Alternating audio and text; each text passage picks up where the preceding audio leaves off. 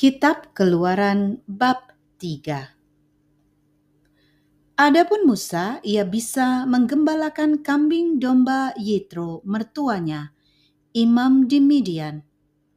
Sekali ketika ia menggiring kambing domba itu ke seberang padang gurun, sampailah ia ke gunung Allah, yakni Gunung Horeb.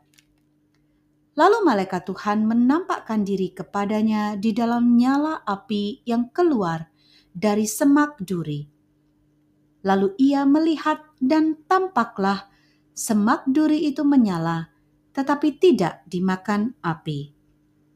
Musa berkata, "Baiklah, aku menyimpang ke sana untuk memeriksa penglihatan yang hebat itu.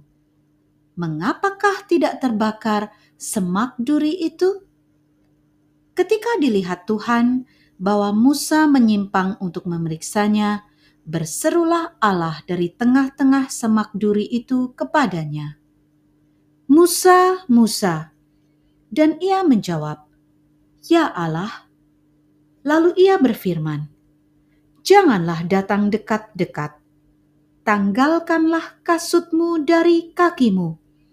Sebab tempat di mana engkau berdiri itu adalah tanah yang kudus. Lagi ia berfirman, Akulah Allah ayahmu, Allah Abraham, Allah Ishak dan Allah Yakub. Lalu Musa menutup mukanya, sebab ia takut memandang Allah. Dan Tuhan berfirman, Aku telah memperhatikan dengan sungguh kesengsaraan umatku di tanah Mesir dan aku telah mendengar seruan mereka yang disebabkan oleh pengerah-pengerah mereka. Ya, aku mengetahui penderitaan mereka.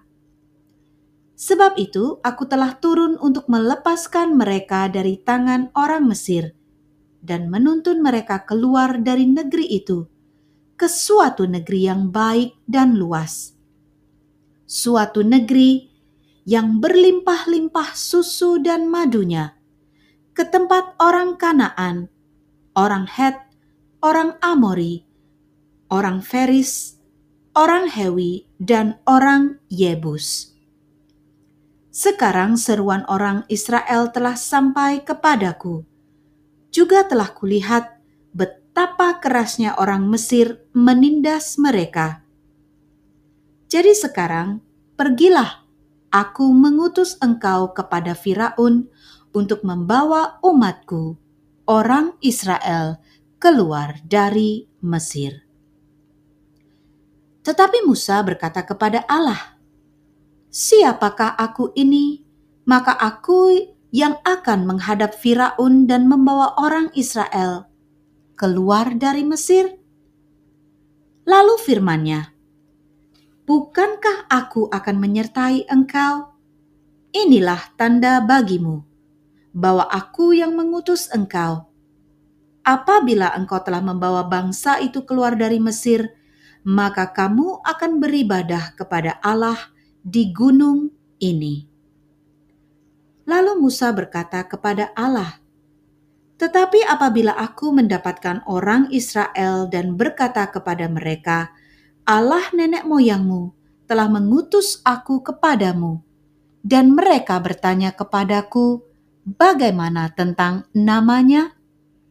Apakah yang harus kujawab kepada mereka? Firman Allah kepada Musa, Aku adalah aku.